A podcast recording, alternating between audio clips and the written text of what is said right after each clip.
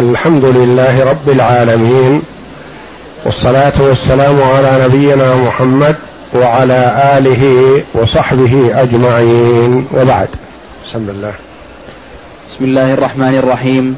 الحمد لله رب العالمين والصلاة والسلام على أشرف الأنبياء والمرسلين نبينا محمد وعلى آله وصحبه أجمعين.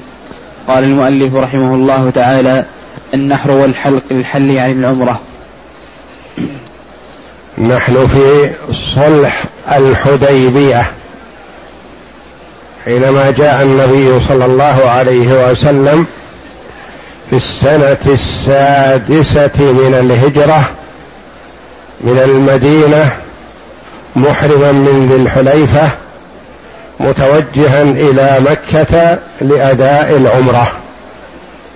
فصده المشركون وتقدم لنا ما دار بين النبي صلى الله عليه وسلم وبين المشركين من حوار وسفراء وما حصل بينهم ثم إنهم إن قريش أذعنت ورغبت في الصلح فأرسلت سهيل بن عمرو. وكان مندوبا عن قريش حال كفره.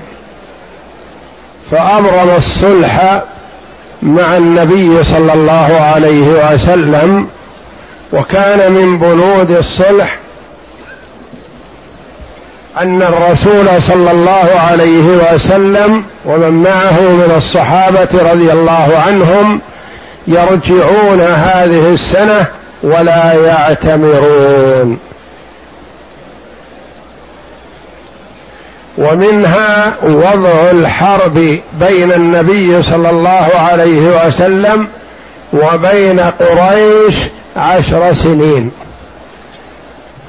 وأن من أحب من قبائل العرب أن يدخل في عهد النبي صلى الله عليه وسلم دخل ومن أحب أن يدخل في عهد قريش دخل.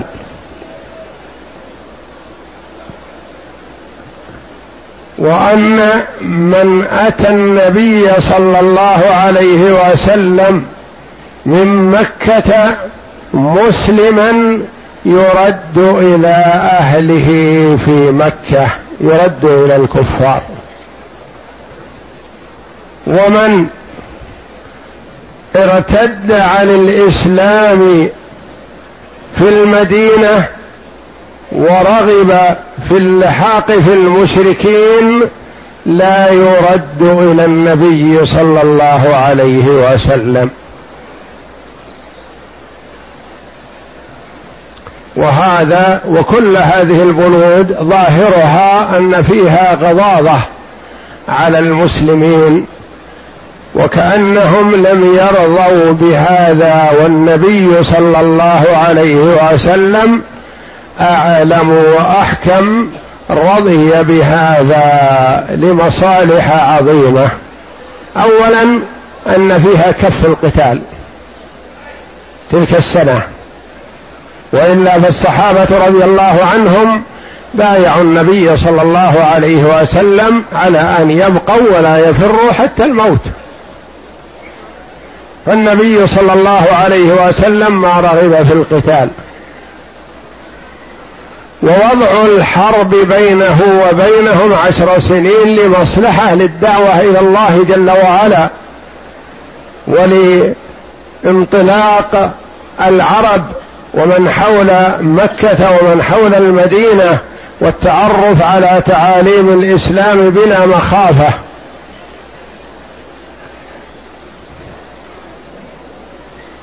والرابع هو الذي أثار كثيرا من المسلمين وعلى رأسهم عمر رضي الله عنهم وأرضاهم أن من جاء من قريش مسلما إلى النبي صلى الله عليه وسلم يرد إلى قريش. ومن ارتد عن الإسلام وذهب إلى قريش لا يرد إلى النبي صلى الله عليه وسلم.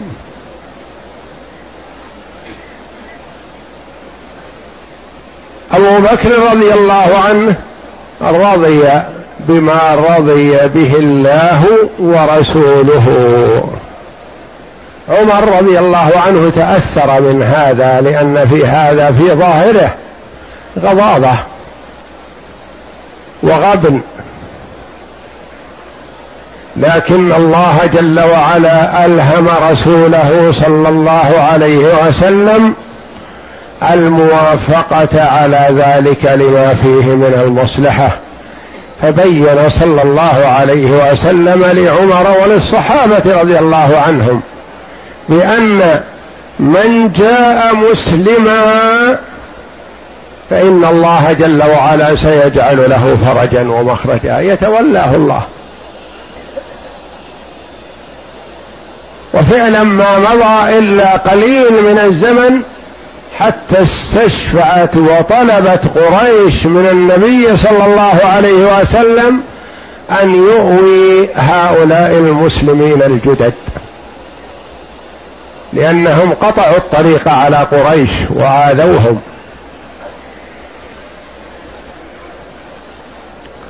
وبين لهم النبي صلى الله عليه وسلم أن من ارتد عن الإسلام لا خير فيه ولا يرد إلينا ولا نريده.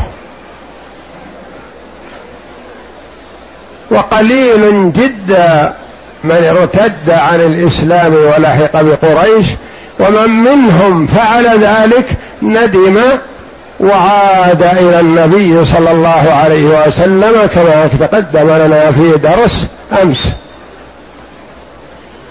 إنه يقال أن فيه عدد اثنا عشر رجلا لحقوا بالكفار ثم ندموا وتأسفوا وطلبوا من أهليهم في المدينة أن يسألوا النبي صلى الله عليه وسلم هل تقبل توبتهم إذا تابوا؟ فأنزل الله جل وعلا قبول التوبة فعادوا تائبين. والغالب أن من نور الله قلبه بالإيمان لا يرتد إلى الكفر أبدا. ثم إن النبي صلى الله عليه وسلم أمر الصحابة رضي الله عنهم بنحر هديهم والحلق أو التقصير. الصحابة رضي الله عنهم محرمون والهدي بين يديهم يساق ولا يرد عن مكة بر ولا فاجر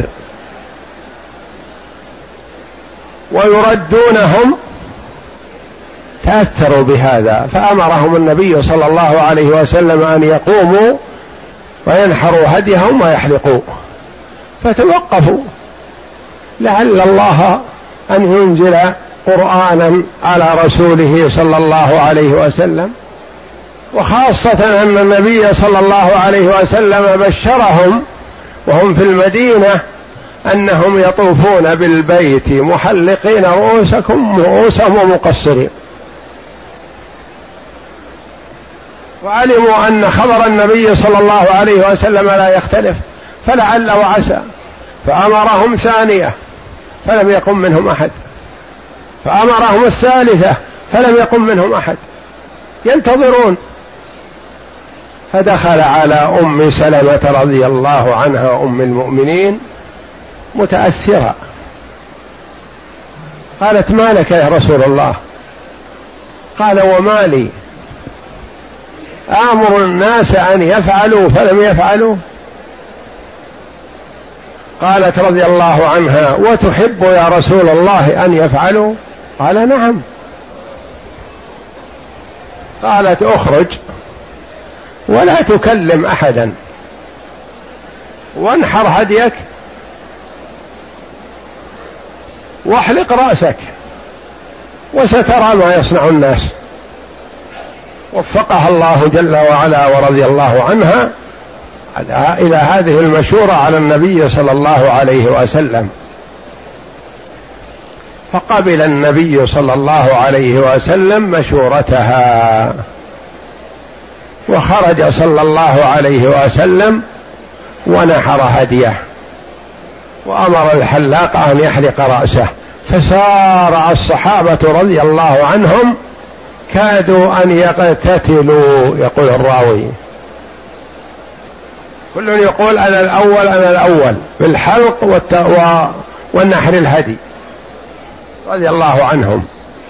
لكنهم قبل لا معصية للنبي صلى الله عليه وسلم وقد بايعوه بيعة الرضوان التي رضي الله عنهم بها. وإنما لعل وعسى أن يؤذن لهم في الدخول إلى مكة من قبل الله تبارك وتعالى. فلما رأوا فعل النبي صلى الله عليه وسلم سارعوا. ويؤخذ من هذا أنه ينبغي للمؤمن رجلا كان وامرأة ألا يحقر نفسه في إبداء الرأي. حتى لمن هو أعلى منه وأعلم منه وأتقى منه لله. يبدي رأيه. كما أبدى الحباب بن المنذر رضي الله عنه رأيه في النزول في بدر. كان له أثر عظيم. قال يا رسول الله هذا المنزل منزل أنزلك الله إياه. ليس لنا أن نتقدم ونتأخر عنه. انظر أدبه رضي الله عنه. أم هو الرأي والمشورة والخدعة والحرب؟ قال لا بل هو الرأي. قال إذا ليس هذا المنزل يا رسول الله. المياه أمامنا ينزل عليها العدو ونحن على طرف. ننزل على أقصى ماء مما يلي القوم ونسقي ونشرب وهم لا يشربون. نحجرهم عن الماء. والماء عندنا وخلفنا والعدو ليس عنده ماء فتقدم النبي صلى الله عليه وسلم وقبل مشورة الحباب رضي الله عنه وأرضاه. وهكذا لما أشارت عليه أم سلمة رضي الله عنها فالزوجة الصالحة تشير على زوجها والابن الصالح يشير على أبيه والأخ الصالح يشير على أخيه. وكل يبدي رأيه في المسألة لعل أن يكون في رأيه خير. ولا يحقر المرء نفسه ويقول هذا أعلم مني أو هذا أفضل مني. يبدي رأيه.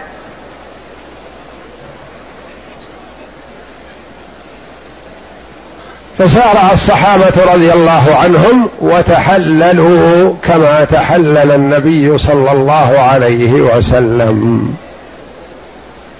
نعم.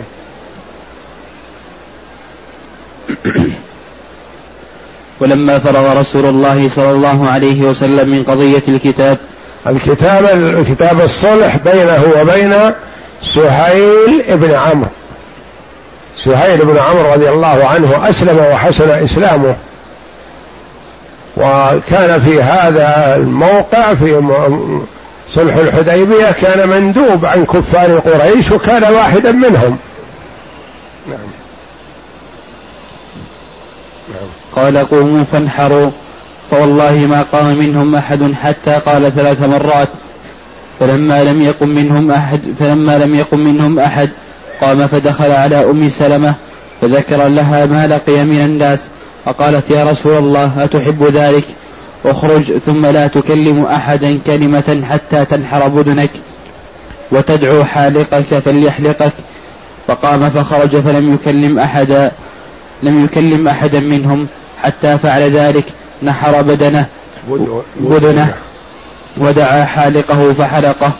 فلما رأى الناس ذلك قاموا فنحروا وجعل بعضهم يحلق بعضا حتى كاد بعضهم يقتل بعضا غما. وكانوا نحروا البدنة عن سبعة نحروا البدنة الناقة الناقة عن سبعة والشاة عن واحد والبقرة عن سبعة. وكانوا نحروا البدنة عن سبعة والبقرة عن سبعة ونحر رسول الله صلى الله عليه وسلم جملا كان لأبي جهل كان في أنفه برة من فضة ليغيظ بها المشركين ودعا رسول الله صلى الله عليه وسلم للمحلقين ثلاثا بالمغفرة وللمقصرين مرة. وفي هذا السفر أنزل الله فية الأدى لمن حلق رأسه بالصيام أو الصدقة أو النسك في شأن كعب بن عجرة. كعب بن عجرة رضي الله عنه مر به النبي صلى الله عليه وسلم وهو محرم. والقمل يتناثر من على رأسه. وقد آذاه أذى شديدا وتأثر ومرض بهذا رضي الله عنه. فقال له النبي صلى الله عليه وسلم آذاك هوام راسه قال نعم يا رسول الله. فأنزل الله جل وعلا الفدية في من اضطر إلى الحلق يحلق ويفتي. فحلق كعب بن عجرة رضي الله عنه.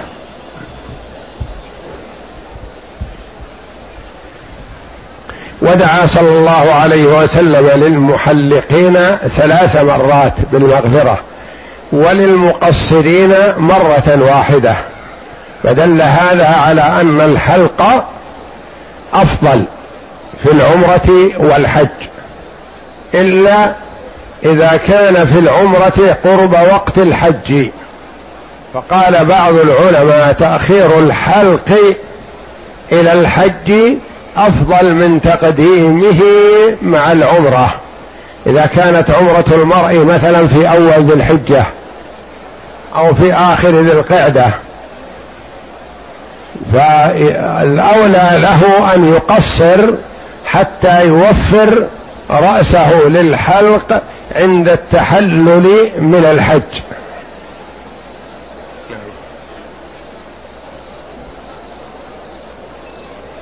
نعم.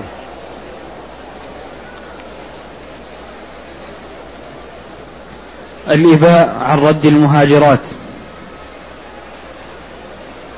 ثم جاء نسوة مؤمنات فسأل أولياؤهن أن أن, يرده أن يردهن عليهم في العهد الذي تم في الحديبية.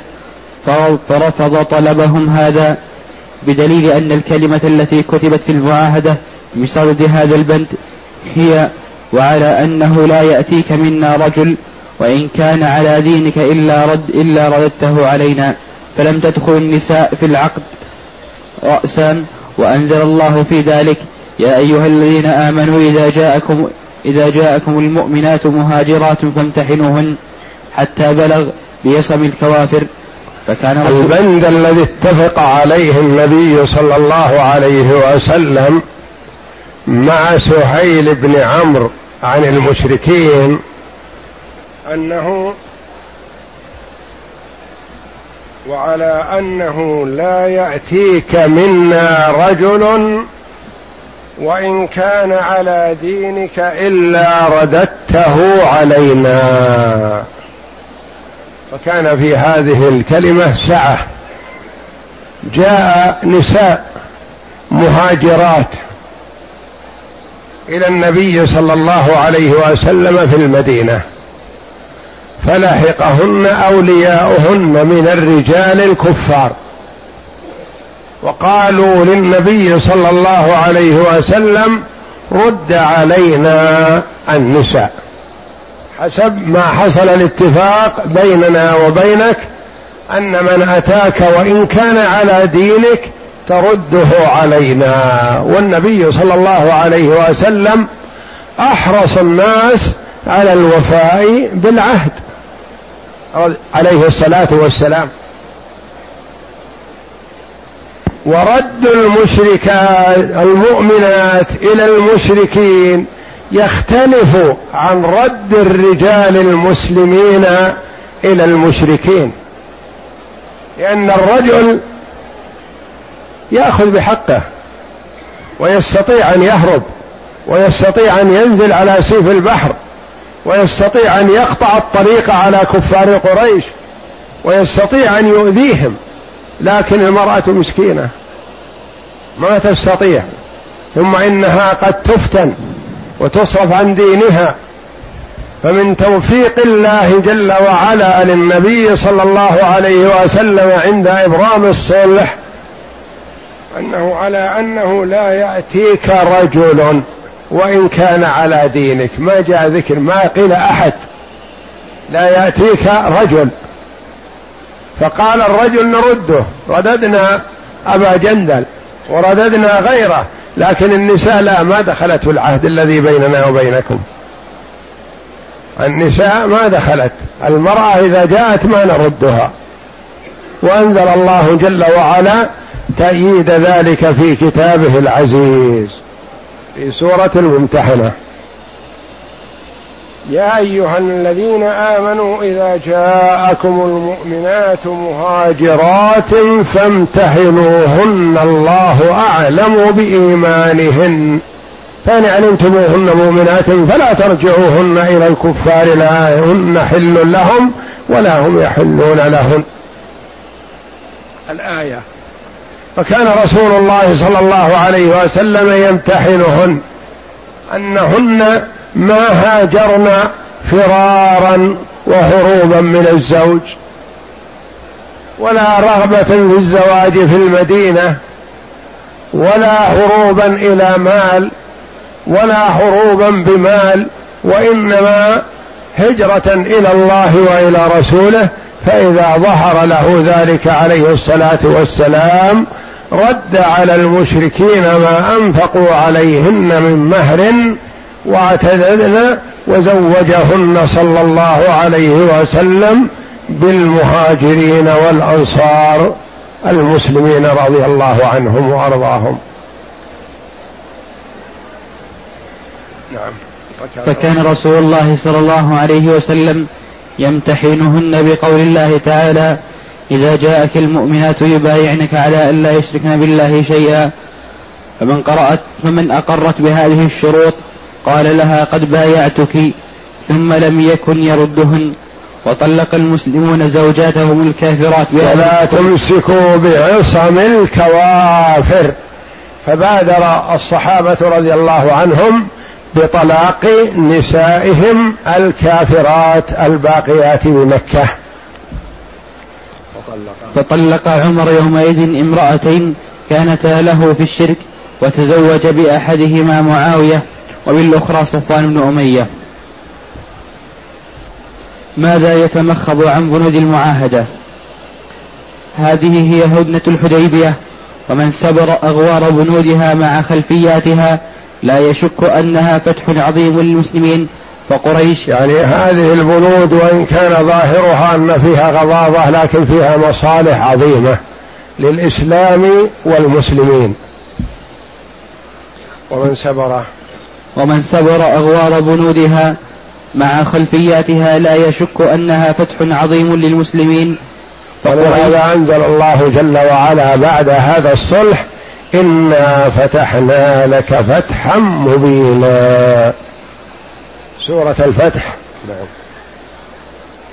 فقريش لم تكن تعترف بالمسلمين أي اعتراف بل كانت تهدف است... بل كانت تهدف استئصال شأفتهم وتنتظر أن تشهد يوما ما نهايتهم وكأنهم ما كانوا يعترفون أنهم لهم مكانة وإنما يرون أنهم شذاذ ويرون أنهم مخالفين ويرون أنهم صالية وأنهم ينتظرون بفارغ الصبر القضاء عليهم قضاء مبرما ما يعترفون أنهم فرقة أو جماعة أو حزب أو سيكون لهم كيان لا.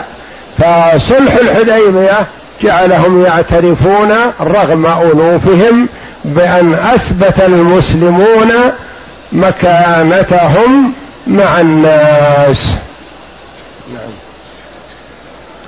وكانت تحاول بأقصى قوتها الحيلولة بين الدعوة الإسلامية وبين الناس بصفتها ممثلة الزعامة الدينية والصدارة الدنيوية في جزيرة العرب ومجرد ومجرد الجنوح إلى الصلح اعتراف بقوة المسلمين. يعني كونهم يميلون إلى الصلح ويريدون الصلح واصطلحوا مع النبي صلى الله عليه وسلم هذا اعتراف بقوة المسلمين والحمد لله. نعم. وأن قريشا لا تقدر على مقاومتهم. لأنها لو كانت تقدر على مقاومتهم والقضاء عليهم ما اصطلحت معهم. فالعدو القوي ما يصطلح مع العدو الضعيف وإنما يكون الصلح بين متساويين تقريبا. وإن وجد شيء من التفاوت لكن القوي ما يطلب من الضعيف أن يصطلح معه. نعم. نعم. ثم البند الثالث يدل يدل لفحواه على أن قريشا نسيت صدارتها الدنيوية وزعامتها الدينية وأنها لا تهمها الآن إلا نفسها.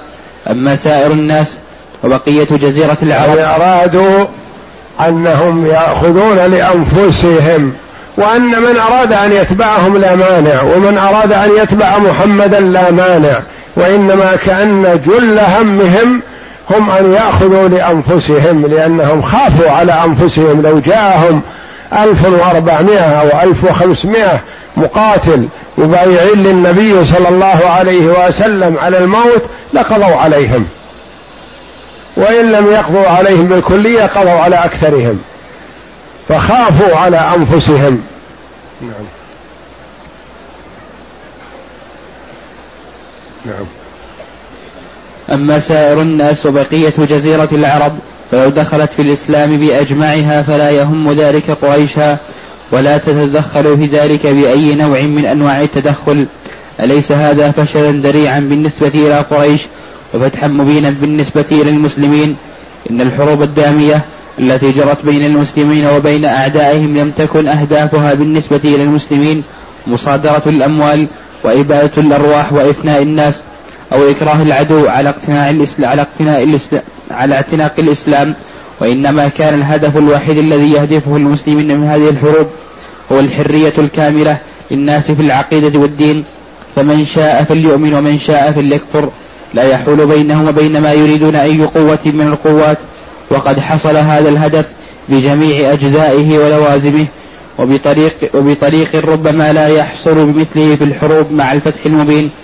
وقد كسب المسلمون لأجل هذه الحرية نجاحا كبيرا بالدعوة. فبينما كان عدد المسلمين لا يزيد على ثلاثة آلاف قبل الهدنة صار عدد الجيش الإسلامي في سنتين عند فتح مكة عشرة آلاف. أما البند الثاني هذا البند الثالث الذي هو وضع الحرب. فالإسلام حينما يقاتل يقاتل من وقف في وجه الدعوة الإسلامية. يقاتل من صد الناس عن الدين الإسلامي. ما يقاتل لأجل أن يسترق الناس ولا ليقطع رقابهم ولا لينتهب أموالهم وإنما ليعبد الله وحده. ومن وقف في هذا الطريق فالإسلام يحاربه والمسلمون يحاربونه لئلا يقف في طريق الدعوة إلى الله جل وعلا. فكان هذا الصلح على وضع الحرب عشر سنوات هذا نعمة عظيمة وظهر أثره عظيما في فتح مكة. كان الجيش الإسلامي الذي مع النبي صلى الله عليه وسلم الذين خرجوا معه للعمرة في الحديبية. ومن المعلوم أن الناس من زمن طويل ما اعتمروا ولهم رغبة شديدة في العمرة مع النبي صلى الله عليه وسلم. فكل من يستطيع الخروج خرج مع النبي صلى الله عليه وسلم. كم هم؟ ما بين ألف وأربعمائة وألف وخمسمائة. هؤلاء هم الحصيلة وهم الذي تمكنوا من الخروج مع النبي صلى الله عليه وسلم. في السنة السادسة في السنة الثامنة لما أعلن صلى الله عليه وسلم الخروج مجاهدا كم خرج معه لفتح مكة؟ عشرة آلاف. فرق بين ألف وأربعمائة وألف وخمسمائة أو عشرة آلاف. عشرة الآلاف هؤلاء حصيلة السنتين من السادسة إلى الثامنة. السنة السابعة كاملة والسادسة شيء منها والعاشرة والثامنة شيء منها. لأن الثامنة في رمضان فتح مكة.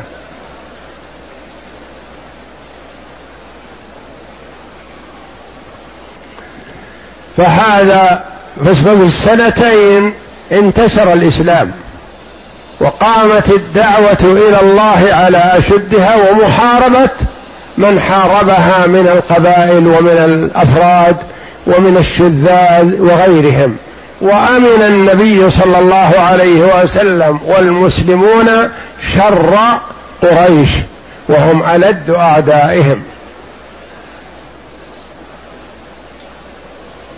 فكان هذا العهد الذي حصل والله جل وعلا يعلم أن قريش تنقضه والنبي صلى الله عليه وسلم ما كان ينقض العهد.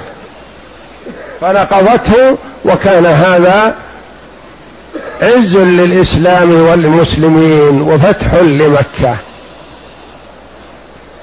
قريش مستخفية بكر وخزاعة تحاربوا. ولا يهم النبي صلى الله عليه وسلم ولا قريش محاربة هاتين القبيلتين فيما بينهما. لكن ما يسوغ ولا يجوز للنبي صلى الله عليه وسلم أن يساعد خزاعة. وإن كانت خزاعة دخلت في حلف النبي وعهد النبي ما يساعدهم على داخله في عهد قريش. ولا يليق ولا يسوغ ولا يجوز لقريش أن تساعد بني بكر. على خزاعة لكن لو ساعدتها على غير خزاعة فلا بأس. لكن ما تساعدها على من دخل في عهد النبي صلى الله عليه وسلم. ومن توفيق الله جل وعلا أن فيه شذاذ من قريش أعانوا بكر على خزاعة. فاعتبر هذا نقض للعهد من قريش الذي عقدوه مع النبي صلى الله عليه وسلم عشر سنين أن لا يحاربوه ولا يساعدوه على من دخل في عهده. فجاء الخزاعي إلى النبي صلى الله عليه وسلم لما علم أن قريش ساعدت بكر على خزاعة جاء يستفزع النبي صلى الله عليه وسلم فقال له عليه الصلاة والسلام نصرت. ما نتخلى عنك لأنك دخلت معنا فما نتخلى عنك. ومن أعان بكر على خزاعة فقد نقض العهد. بدأ بنقض العهد هو. فجهز النبي صلى الله عليه وسلم الجيش العظيم وخرج معه عشرة آلاف لفتح مكة في السنة الثامنة من الهجرة.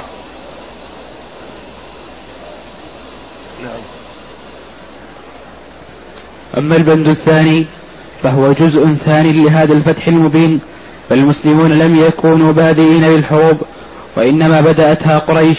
يقول الله تعالى وهم بدأوكم أول مرة أما المسلمون فلم يكن المقصود من دورياتهم العسكرية إلا أن تفيق قريش عن قطرستها وصدها عن سبيل الله وتعمل معهم بالمساواة. كل من الفريقين يعمل على شاكلته فالعقد فالعقد بوضع الحرب عشر سنين حد لهذه الغطرسة والصد ودليل على فشل من بدأ بالحرب وضعفه وانهياره. أما البند الأول فهو حد لصد قريش عن المسجد الحرام فهو أيضا فشل لقريش وليس فيها ما يشفي قريشا سوى أنها نجحت في الصد ذلك العام الواحد فقط. صدت النبي صلى الله عليه وسلم في السنة السادسة وأقرت والتزمت بأن يأتي النبي صلى الله عليه وسلم في السنة السابعة معتمرا ما كان صد كامل وإنما هو تشفي صد في هذه السنة وإذن في السنة التي تليها. نعم.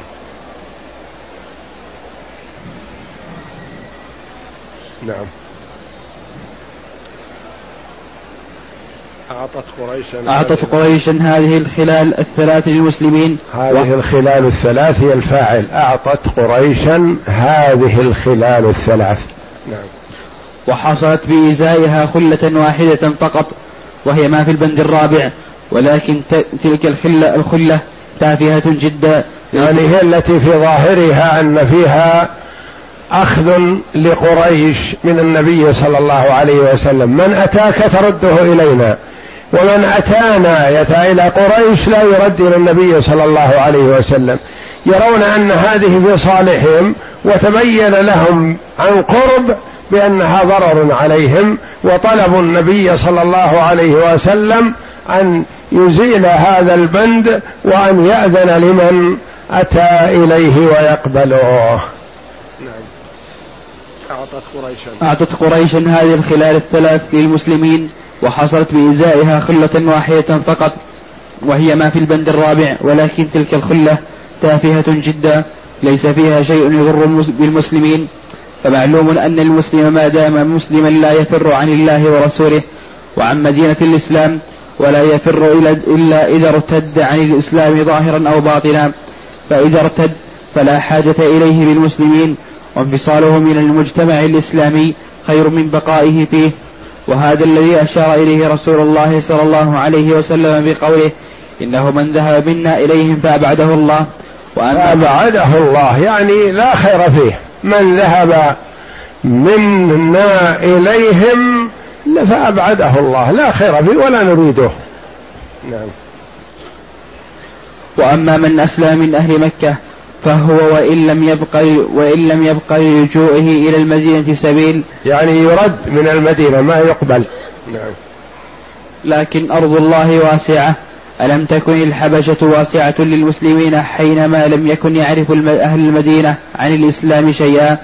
وهذا الذي أشار إليه النبي صلى الله عليه وسلم بقوله ومن جاءنا منهم سيجعل الله له فرجا ومخرجا. سيجعل الله له فرجا ومخرجا. وذلك أنه تجمع مجموعة هربوا وأووا إلى ساحل البحر.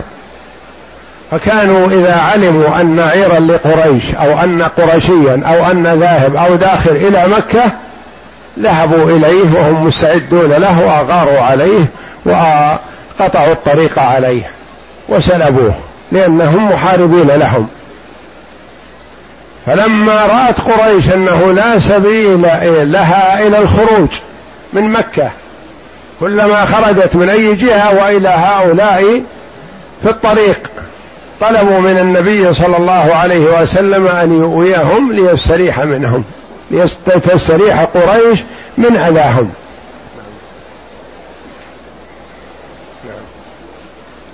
والأخذ بمثل هذا الاحتفاظ وإن كان مظهر الاعتزاز لقريش لكنه في الحقيقة ينبئ عن شدة انزعاج قريش وهلعهم وخورهم وعن شدة خوفهم على كيانهم الوثني كأنهم كانوا قد أحسوا أن كيانهم اليوم على شفا جرف نهار لا بد, لا بد له من الأخذ مثل هذا الاحتفاظ وما سمح به النبي صلى الله عليه وسلم من أنه لا يسترد, لا يسترد من فر إلى قريش من المسلمين.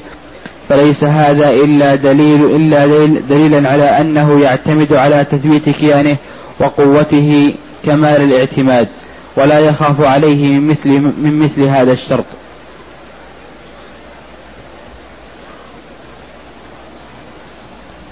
ويأتي مناقشة عمر رضي الله عنه للنبي صلى الله عليه وسلم في هذا البند من الصلح. قال المؤلف رحمه الله تعالى حزن المسلمين حزن المسلمين ومناقشة, ومناقشة عمر مع النبي صلى الله عليه وسلم. قول المؤلف رحمه الله تعالى حزن المسلمين ومناقشة عمر مع النبي صلى الله عليه وسلم. أي في صلح الحديبية لأن النبي صلى الله عليه وسلم في مكة في المدينة أعلن توجهه إلى مكة للعمرة معتمرا فأتاه من أتاه من المسلمين ممن كان خارج المدينة وخرجوا مع النبي صلى الله عليه وسلم مع عدد من المهاجرين والأنصار يبلغون ألف وأربعمائة أو ألف وخمسمائة ما بينهما. فأحرم صلى الله عليه وسلم من ذي الحليفة ميقات أهل المدينة المسمى بأبيار علي. وقلد هديه وأشعره. وساقه بين يديه. لا يريد صلى الله عليه وسلم إلا العمرة. وذلك أنه منذ هاجر إلى تلك السنة السنة السادسة ما دخل مكة عليه الصلاة والسلام.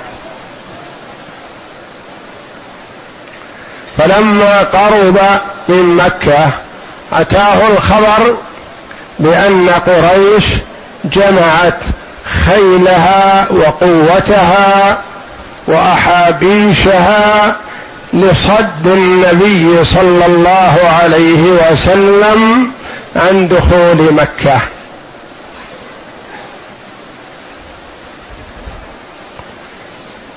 ثم إن النبي صلى الله عليه وسلم في ممشاه بركة القصوى الناقة التي يركبها صلى الله عليه وسلم. فقالوا كلأت يعني عجزت أو حفيت القصوى. قال النبي صلى الله عليه وسلم ما كلأت وليس ذلك لها بخلق ما كان من عادتها أن تبرك ولكن حبسها حابس الفيل. ثم قال صلى الله عليه وسلم والله لا يسألوني خطة يعظمون بها حرمات الله إلا أجبتهم عليها. شيء فيه تعظيم حرمات الله وحفظ وحقن للدماء عن الإراقة. اجيبوا لذلك. ثم إن النبي صلى الله عليه وسلم أخبر من أتاه من رسل قريش بأنه ما جاء لحرب ولا لقتال وإنما جاء معتمرا. وأرسلت قريش عددا من السفراء. وأرسل النبي صلى الله عليه وسلم عثمان بن عفان ليخبر قريش عن النبي صلى الله عليه وسلم. وحصل تبادل السفراء بين النبي صلى الله عليه وسلم وكفار قريش وهم بجاهليتهم وكفرهم وضلالهم مصممون على أن لا يدخل النبي صلى الله عليه وسلم مكة عليهم تلك السنة. وعلموا أن النبي صلى الله عليه وسلم بايعه الصحابة رضي الله عنهم على الموت وأنهم يريدون الدخول إلى مكة مهما كانت الحال فأزعجهم ذلك وخافوا وأرسلوا سهيل بن عمرو كان السفراء قبله منهم من لا يفلح ولا يوفق في كلامه ومنهم من يرجع حينما يرى البدن ويسمع التلبية يقول ما ينبغي لهؤلاء أن يصدوا عن البيت. هؤلاء محرمون وما بين يديهم الهدي. ما يجوز أن يصدوا عن البيت فيرجع قبل أن يصل إلى النبي صلى الله عليه وسلم من عقلائهم.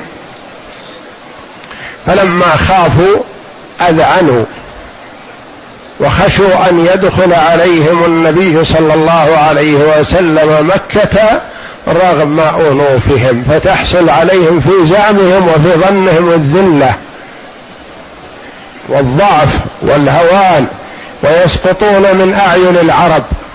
فأرسلوا سهيل بن عمرو وكان رجلا عاقلا. ومتجاوب فلما أقبل قال الصحابة رضي الله عنهم هذا سهيل ابن عمرو. وقال النبي صلى الله عليه وسلم سهل أمركم. عرف أن قريش أرادت الصلح حينما أرسلت مثل هذا الرجل. لأنه عاقل. وعنده بصيرة في الأمور كما تقدم لنا أنه لما كان مع عدد من كبراء قريش في باب عمر رضي الله عنه وأرضاه فأذن عمر رضي الله عنه لبلال وعمار وصهيب وفقراء الصحابة رضي الله عنهم وأبو سفيان وسهيل بن عمرو و من صناديد من كبار القبائل محبوسون بالباب ينتظرون ما أذن لهم.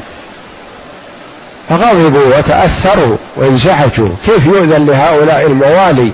ونحن نرد بالباب ننتظر حتى ينتهون. فرأى سهيل بن عمرو ما في وجوههم وما قالوه على ألسنتهم فقال أيها القوم لا تلوموا إلا أنفسكم. لوموا أنفسكم. دعي هؤلاء ودعيتم إلى الإسلام في مكة. فاستجاب هؤلاء وتأخرتم. فكيف بكم غدا إذا قيل لنودوا على أبواب الجنة يدخلون وأنتم بعدهم؟ فهذا الباب بسيط. الحبس دونه. تلتقي بعمر إذا ما التقى إذا ما دخلت التقيت به في المسجد.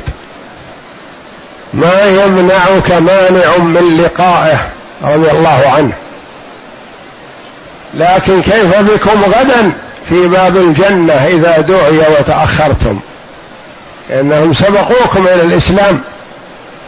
دعوا ودعوت ودعيتم. فأسرعوا وتباطأتم. أنتم الذي أخرتم على أنفسكم وقام وأبعد عن الباب فكان ذا رأي وحكمة. فجاء إلى النبي صلى الله عليه وسلم وأراد أن يبرم الصلح معه. والنبي صلى الله عليه وسلم كما قال وأقسم وهو الصادق المصدوق عليه الصلاة والسلام ولو لم يقسم فهو لا يقول إلا حقا.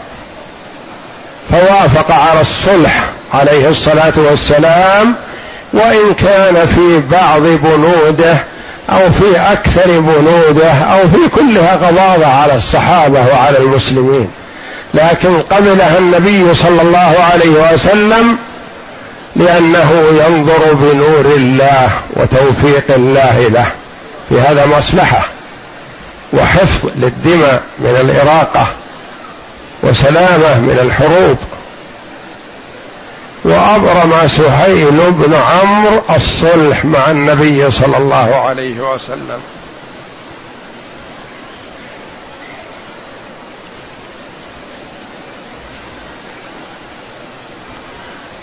أولها وأهمها في نظر قريش أن النبي صلى الله عليه وسلم يرجع في هذه السنة ولا يدخل مكة. عن جهية الكفار وإلا جاء محرم وساق الهدي بين يديه وهو أولى الناس ببيت الله صلوات الله وسلامه عليه وقالوا يرجع ولا يدخل قال نعم نرجع. وضع الحرب بين النبي صلى الله عليه وسلم وكفار قريش عشر سنين. نعم. من أحب من القبائل أن يدخل في عهد محمد دخل ومن أحب أن يدخل في عهد قريش دخل. يعني ينقسم الناس. من يدخل في عهد محمد لا تتعرض له قريش. ومن دخل في عهد قريش ما يتعرض له النبي صلى الله عليه وسلم ولا الصحابة. الرابع من أتى النبي صلى الله عليه وسلم في المدينة مسلما من الرجال يرده إليهم إلى كفار قريش. ومن ارتد عن الإسلام ممن في المدينة ولحق بمكة فلا يرده أهل مكة إلى النبي صلى الله عليه وسلم. ووافق النبي صلى الله عليه وسلم على هذا. جاء ابن سهيل بن عمرو مكبل بالحديد مسلم. منعه أهله وذووه من أن يهاجر إلى النبي صلى الله عليه وسلم بالمدينة. فطلب النبي صلى الله عليه وسلم من سهيل نفسه أن يهب له هذا ما دام جاء والصلح ما إلى الآن ما وقع. هذا هبه لي قال لا. هبه لي قال لا. ورفض.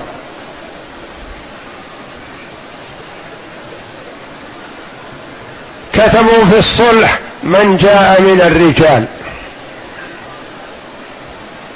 جاءت أم كلثوم بنت عقبة ابن أبي معيط رضي الله عنها من السابقين الأولين إلى الإسلام وما تيسر لها أن تهاجر إلا بعد صلح الحديبية. ففرت بدينها إلى المدينة فلما وصلت وإذا بأخويها الوليد وعمارة اخوان لها.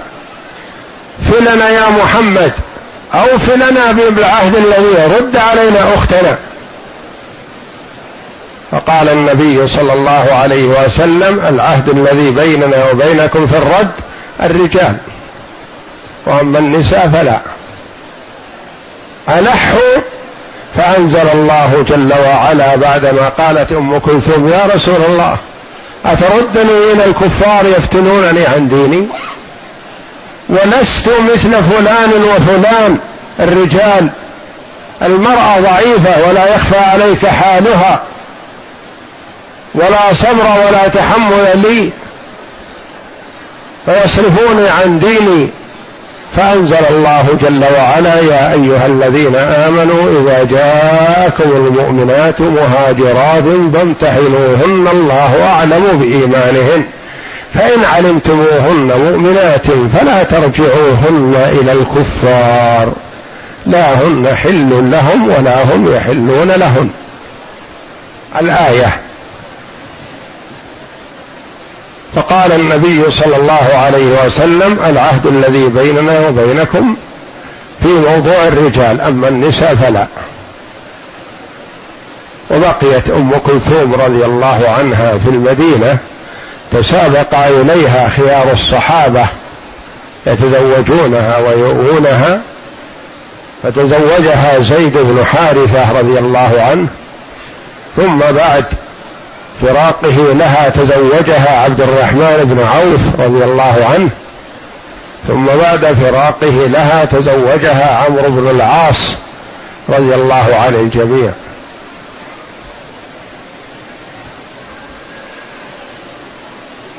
فالصحابة رضي الله عنهم وعلى رأسهم عمر.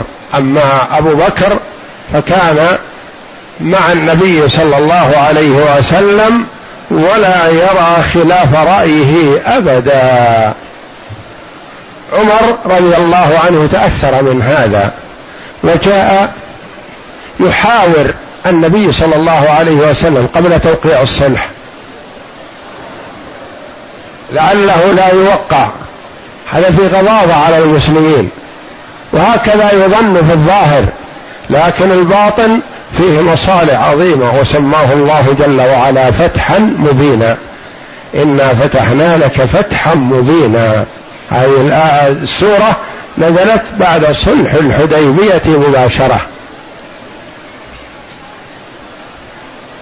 وكان الصحابة يظنون أن في هذا غضاضة عليهم وأرادوا من النبي صلى الله عليه وسلم أن لا يوقع الصلح.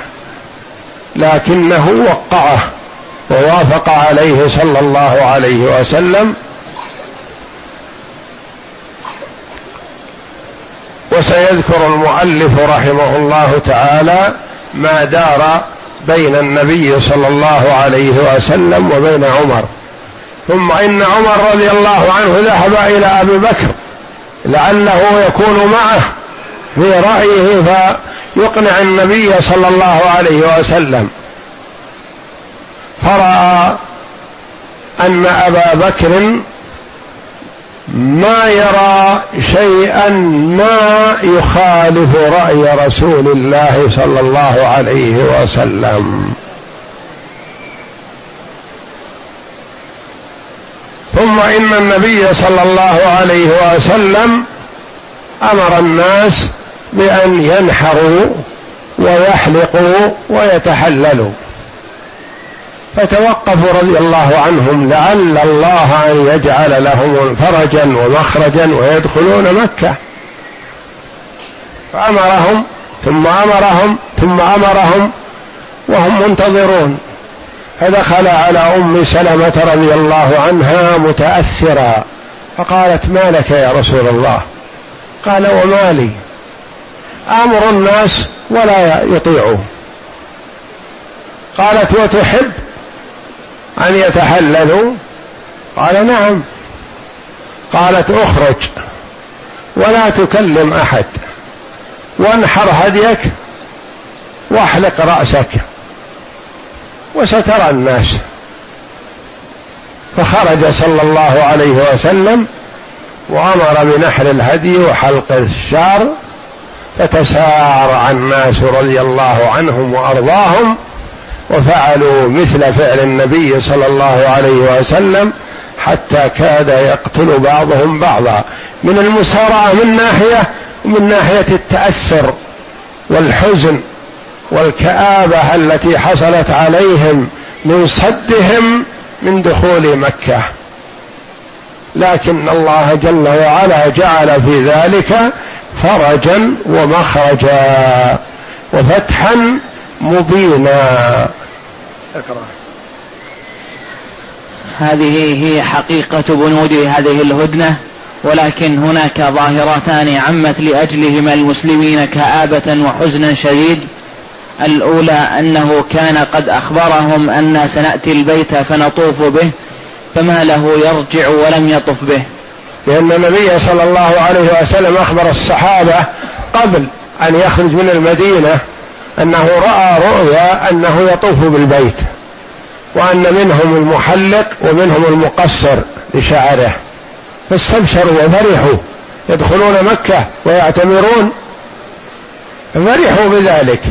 والنبي صلى الله عليه وسلم ما قال لهم هذه السنة قال رأيت الرؤيا أنكم كذا. فلما حلق ونحر أيسوا الآن من دخول مكة. فقالوا يا رسول الله ما أخبرتنا به في مكة؟ في المدينة. قلت لنا كذا وكذا. فأجاب صلى الله عليه وسلم. هذه هي حقيقة بنود هذه الهدنة. نعم. هذه هي حقيقة بنود هذه الهدنة. لكن هناك ظاهرتان عمت لأجلهما المسلمين كآبة وحزنا شديد.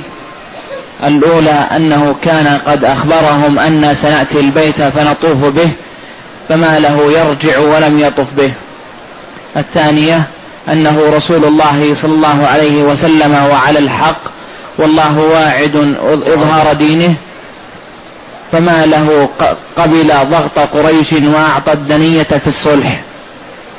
من ما يظن الصحابة أنه من الدنية أن من أسلم من كفار قريش وجاء إلى النبي صلى الله عليه وسلم يرد إليهم. ومن ارتد ممن أسلم في المدينة ولحق بكفار قريش لا يرد. قالوا لما؟ نحن نرد المسلم ما نؤويه وهم إذا ارتد منا أحد ما يرجعونه إلينا نأخذ حق الله فيه. نعم. كانت هاتان الظاهرتان مثار الريب والشكوك والوساوس والظنون وصارت مشاعر المسلمين لأجلهما جريحة. يعني تأثروا من هذا وتألموا رضي الله عنهم. بحيث غلب الهم والحزن على التفكير في عواقب بنود هذا الصلح لعل أعظمهم ولعل أعظمهم حزنا كان عمر بن الخطاب رضي الله عنه. فقد جاء يعني يمكن يكون هو أجرأهم رضي الله عنه وأقواهم في الحق بعد أبي بكر وأجرأهم جاء إلى النبي ما صبر رضي الله عنه. وإلا فالكثير منهم يرى رأي عمر لكن منهم من يستحي من النبي صلى الله عليه وسلم وعمر رضي الله عنه لقوته وصلابته بالحق يحاول أن يبدي رأيه رضي الله عنه. وقد نزل القرآن عدة مرات بموافقة رأي عمر رضي الله عنه وأرضاه. حتى في اسار بدر لما أخذ النبي صلى الله عليه وسلم منهم الفدى جاء عمر من الغد إلى النبي صلى الله عليه وسلم وأبي بكر وهما يبكيان. فقال ما يبكيكما؟ إن وجدت بكاء بكاء بكيت ولا تباكيت معكم. فقال النبي صلى الله عليه وسلم لو نزل عذاب ما سلم منه إلا عمر. لأنه كان رأيه في أسار بدر قطع الرقاب والقضاء عليهم. لكن لحكمة يريدها الله قبل النبي صلى الله عليه وسلم منهم الفداء وأسلم الكثير منهم. ومن علم الله جل وعلا أنه لا خير فيه وإن سلم من هذه قتل في التي تليها. لكن فيهم من أسلم وحسن إسلامه لحكمة يريدها الله. فهو له رأي قال أنا أرى أن تمكن كل واحد منا من قريبه يقتله. حتى يعرف الله يرى الله جل وعلا منا أن لا تأخذنا فيه لومة لائم. ولا نبالي بقريب ولا بعيد. في حق الله تعالى نحب في الله ونبغض في الله. الفقير المسكين الضعيف المؤمن بالله أخونا نحبه ونجله. والمتكبر المتعاظم الطاغوت الكافر نلعنه ونقتله وإن كان ابننا. فكثيرا ما ينزل القرآن من الله جل وعلا بموافقة رأي عمر رضي الله عنه. نعم. فقد جاء إلى النبي صلى الله عليه وسلم وقال يا رسول الله ألسنا على الحق وهم على الباطل؟ قال بلى. قال أليس قتلانا في الجنة وقتلاهم في النار؟ يعني لو دخلنا عليهم عنوة قوة وقاتلناهم أليس قتلانا في الجنة؟ أحياء عند ربهم يرزقون. وقتلاهم في النار لما لا ندخل؟ نريد أن نعزم وندخل عليهم. إن تركونا نؤدي عمرتنا فالحمد لله وإلا قتلناهم. ونحن على خير. يعني في كلا الحالين حالنا حسنة.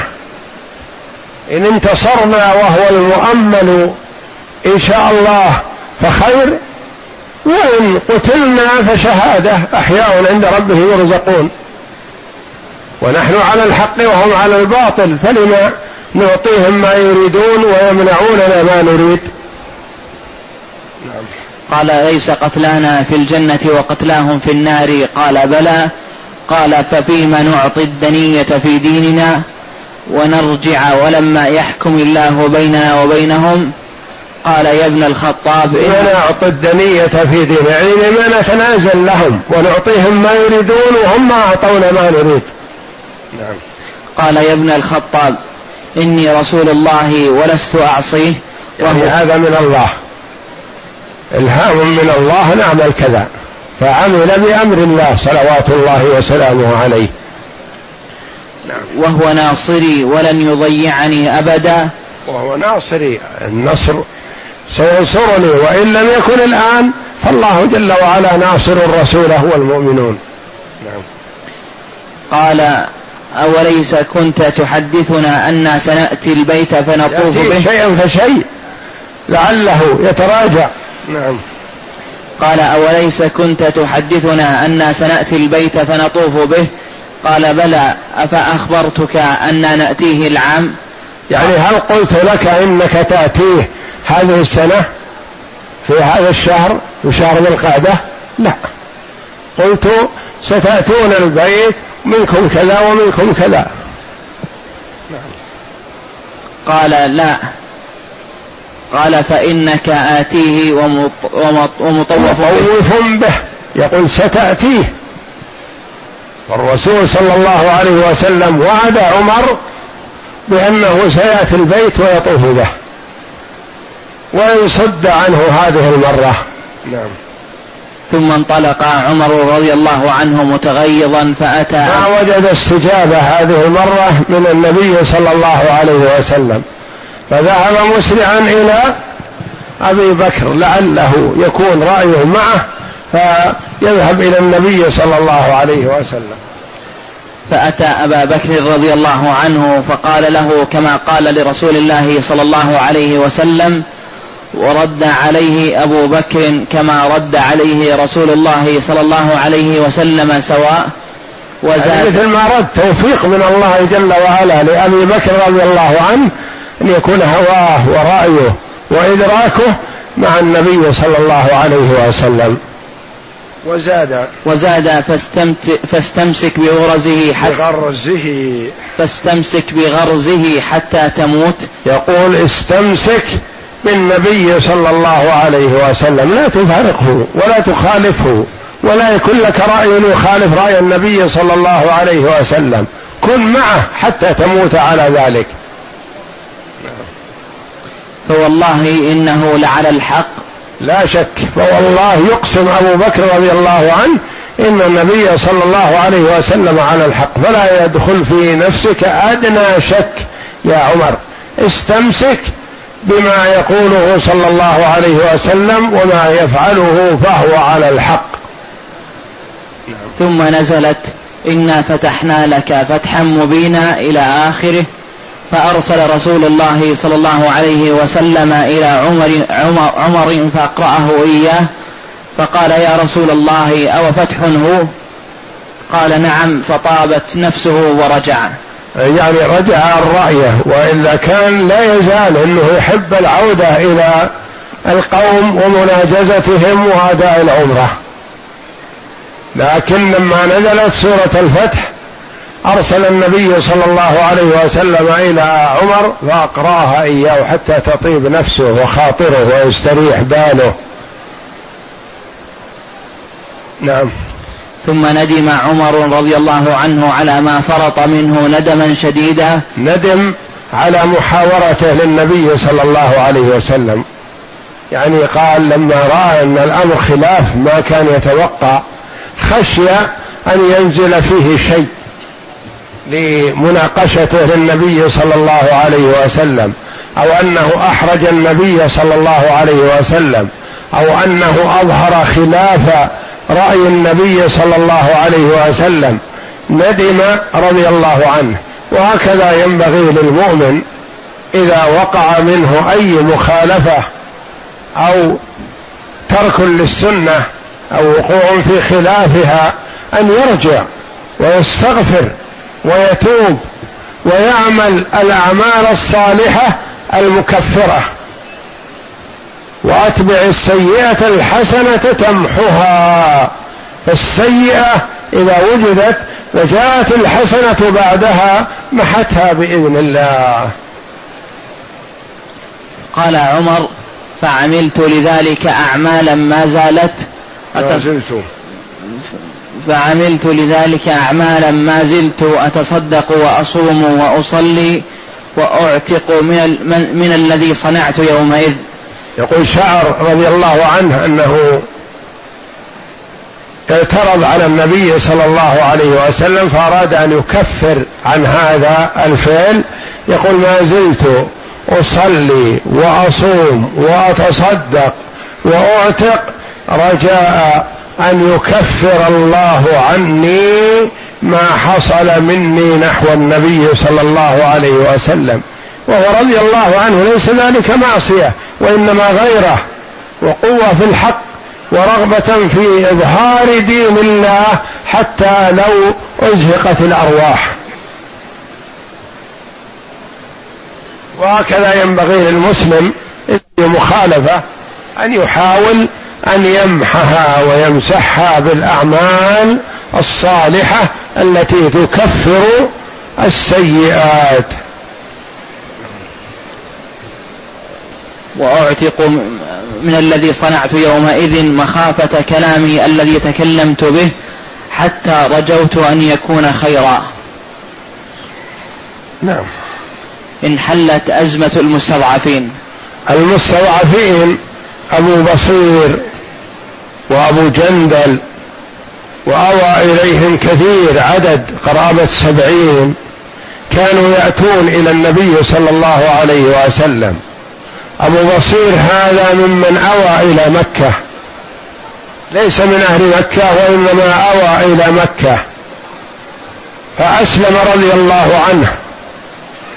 فتسلط عليه جماعة من الكفار وآذوه.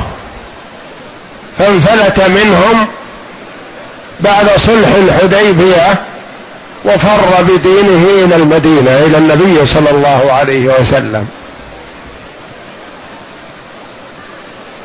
فجاء إلى النبي صلى الله عليه وسلم وجاء في أثره رجلان واحد من بني عامر وواحد مولى من الموالي خادم له.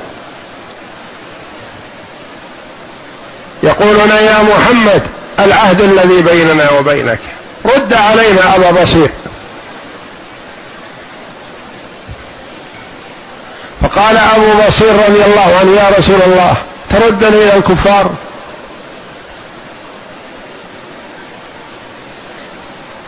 يفتنوني عن ديني. فقال النبي صلى الله عليه وسلم العهد الذي بيننا وبينهم. ما نخون العهد ولا نخلف. اتفقنا على أن من جاء من أهل مكة يرد إليهم. ومن ذهب من أهل المدينة لا يرد. فنحن ملتزمون بالعهد الذي بيننا. وأرجعه النبي صلى الله عليه وسلم معهم. فهم أخذوه معهم على أنه خلاص رجع واذعن وكان يمشي معهم. فلما خرجوا من المدينة قليل جلس المجموعة الثلاثة يأكلون من تمر معهم. فقال أبو بصير رضي الله عنه للعامري رئيس الاثنين كبيرهما أرى سيفك هذا حاد؟ قال العامري إي والله إي والله حاد لقد جربته وجربته.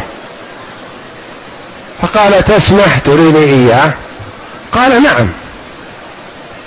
فأراه إياه؟ فضربه ضربة واحدة قضت عليه. فالمولى الذي معه فر لأنه يعرف أن الضربة الثانية فيه. ففر مسرعا. وين يفر؟ ما يستطيع. بك بعيدة. لو فر إلى مكة لحقه. وأنشط منه أقوى.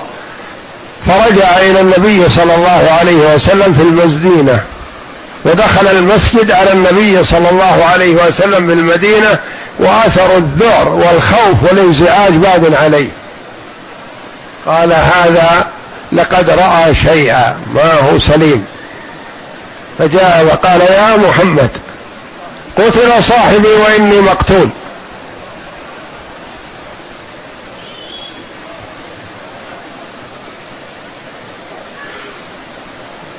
فتعرض أبو بصير قال يا رسول الله وفل ذمتك.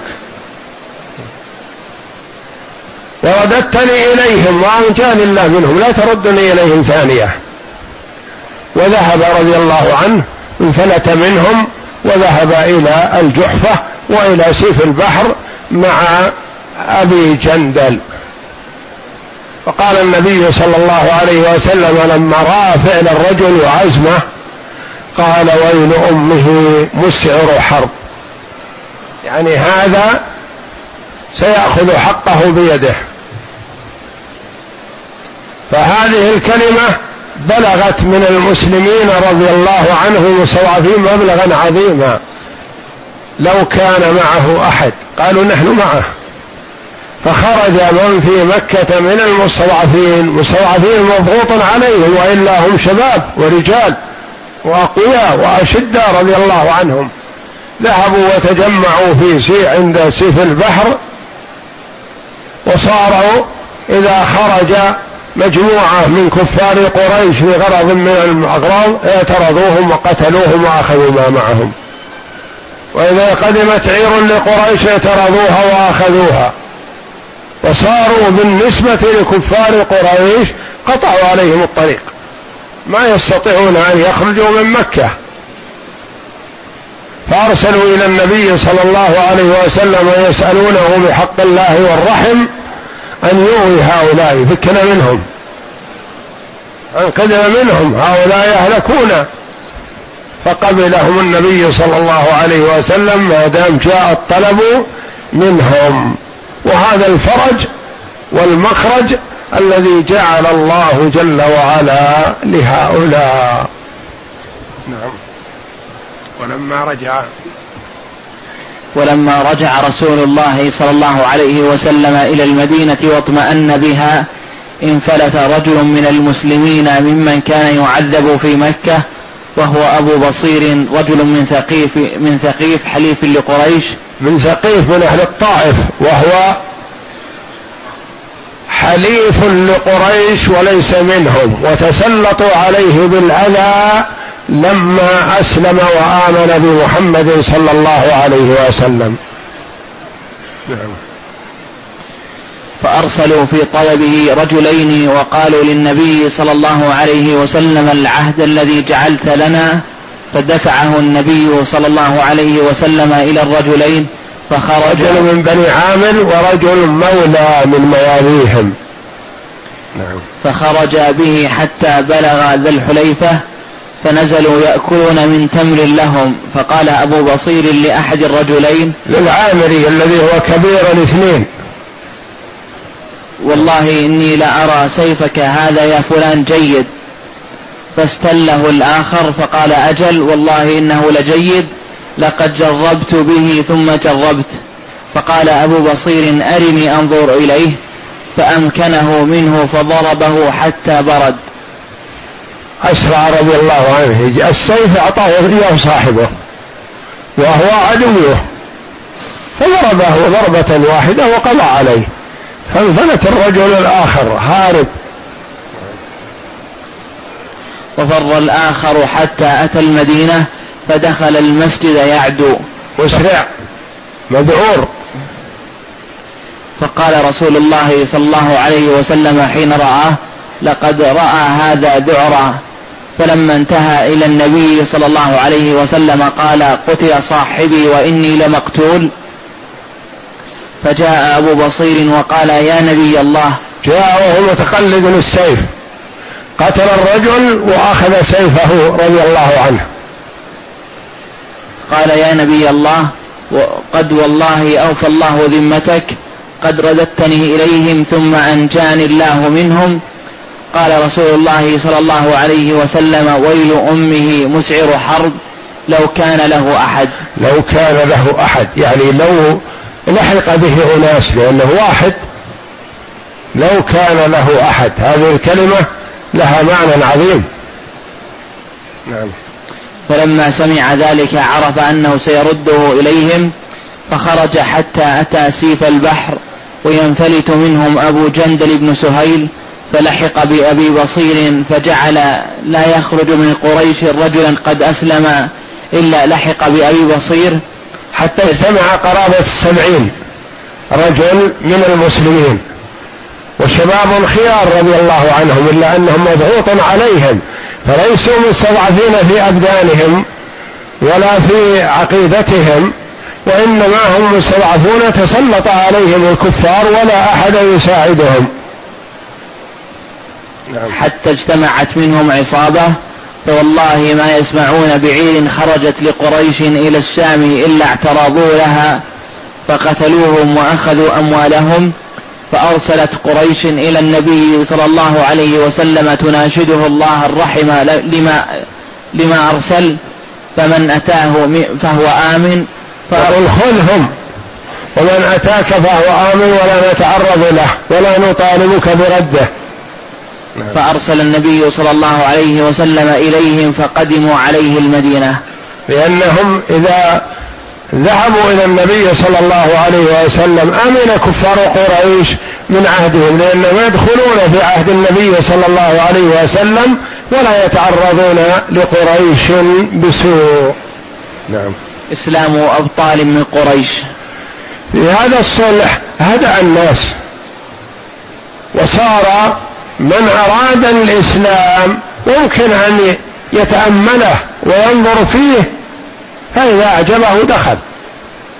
ممكن يأتي من يأتي من القبائل إلى النبي صلى الله عليه وسلم بالمدينة يسمع لأنه إن كان من كفار قريش فلن يتعرض له أحد من قبل النبي صلى الله عليه وسلم. وإن كان من الداخلين في عهد النبي صلى الله عليه وسلم وإن كان كافر فهو آمن من كفار قريش بأنهم لا يتعرضون له. فتحرك الناس واتصل بعضهم ببعض وعرفوا فأسرع كثير من الناس في الإسلام. والحمد لله. نعم. وفي أوائل سنة سبع من الهجرة بعد يعني بعد صلح الحديبية. لأن صلح الحديبية في ذي القعدة من سنة ستة وفي أوائل سنة سبعة. أسلم. بعد هذه الهجرة أسلم عمرو بن العاص وخالد بن الوليد وعثمان بن طلحة. نعم الرجلان رضي الله عنه ونعم الثالث كلهم خيار. عمرو بن العاص رضي الله عنه وخالد بن الوليد رضي الله عنه وعثمان بن أبي طلحة رضي الله عنه من سدنة البيت. نعم. ولما حضروا عند النبي صلى الله عليه وسلم قال إن مكة قد ألقت إلينا أفلاد كبدها يقول هؤلاء خيار أهل مكة جاءوا مسلمين. ففرح بهم الصحابة رضي الله عنهم فرحا شديدا لأن لهم ثقل ولهم مقع عظيم. حتى قال بعض الصحابة لعمرو بن العاص رضي الله عنه يا عمرو نرى أن لك عقل ولك إدراك. من لم يأبطأ بك؟ الآن تسلم يا عمر يا عمرو عندك رأي تعرف الإسلام حق وفيه خير عظيم. لما تأخرت؟ فقال رضي الله عنه كان لنا أشياخ. اتبعناهم قلدناهم. ما ساغ لنا أن ننظر ونتأمل. فلما ولوا نظرنا فأدركنا. لما ذهبوا وولوا نظرنا فرأينا أن الإسلام هو الحق. وأن فيه سعادة الدنيا والآخرة. فجاءوا رضي الله عنهم وخالد رضي الله عنه ينقل أنه ما هزم في جاهلية ولا إسلام. إنما كان قائد في الجاهليه ما هزم. وانتصار وغلبة الكفار كفار قريش في موقعة أحد كانت بقيادة خالد. لأن الرماة عصوا أمر النبي صلى الله عليه وسلم فالتف عليهم الكفار وصار منهم من استشهد رضي الله عنهم وأرضاهم. وكان هذا بنظر وإدراك خالد بن الوليد رضي الله عنه في حال كفره.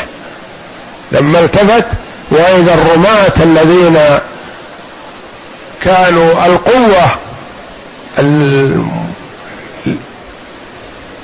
المانعة من تسلط الكفار على المسلمين. وهي الحارسة لهم في أعلى الجبل.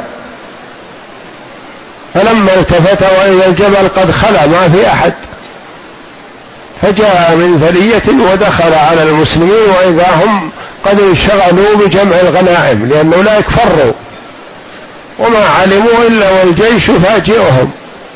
فحصل ما حصل من قتل من استشهد من الصحابة رضي الله عنهم وجرح النبي صلى الله عليه وسلم وكسرت رباعيته وآذاه الكفار عليه الصلاة والسلام وصبر في ذات الله. فلما جاء هؤلاء الخيار قال النبي صلى الله عليه وسلم قد ألقت إلينا مكة افلاذ كبدها يعني هؤلاء خيار القوم فيها. أرسلتهم إلينا. بعد هذا في السنة السابعة أسلموا وفي السنة الثامنة فتحت مكة. بينما كان العهد بين النبي صلى الله عليه وسلم أنه يضع الحرب بينه وبين قريش عشر سنين. ولحكمة عظيمة يريدها الله جل وعلا خان بعض كفار قريش فساعدوا بني بكر على خزاعة. وخزاعة في عهد النبي صلى الله عليه وسلم. فحصلت الخيانة ونقض العهد من كفار قريش. فأسرع النبي صلى الله عليه وسلم لنصرة خزاعة وحصل الفتح العظيم فتح مكة. والله أعلم. وصلى الله وسلم وبارك على عبده ورسول نبينا محمد وعلى آله وصحبه أجمعين.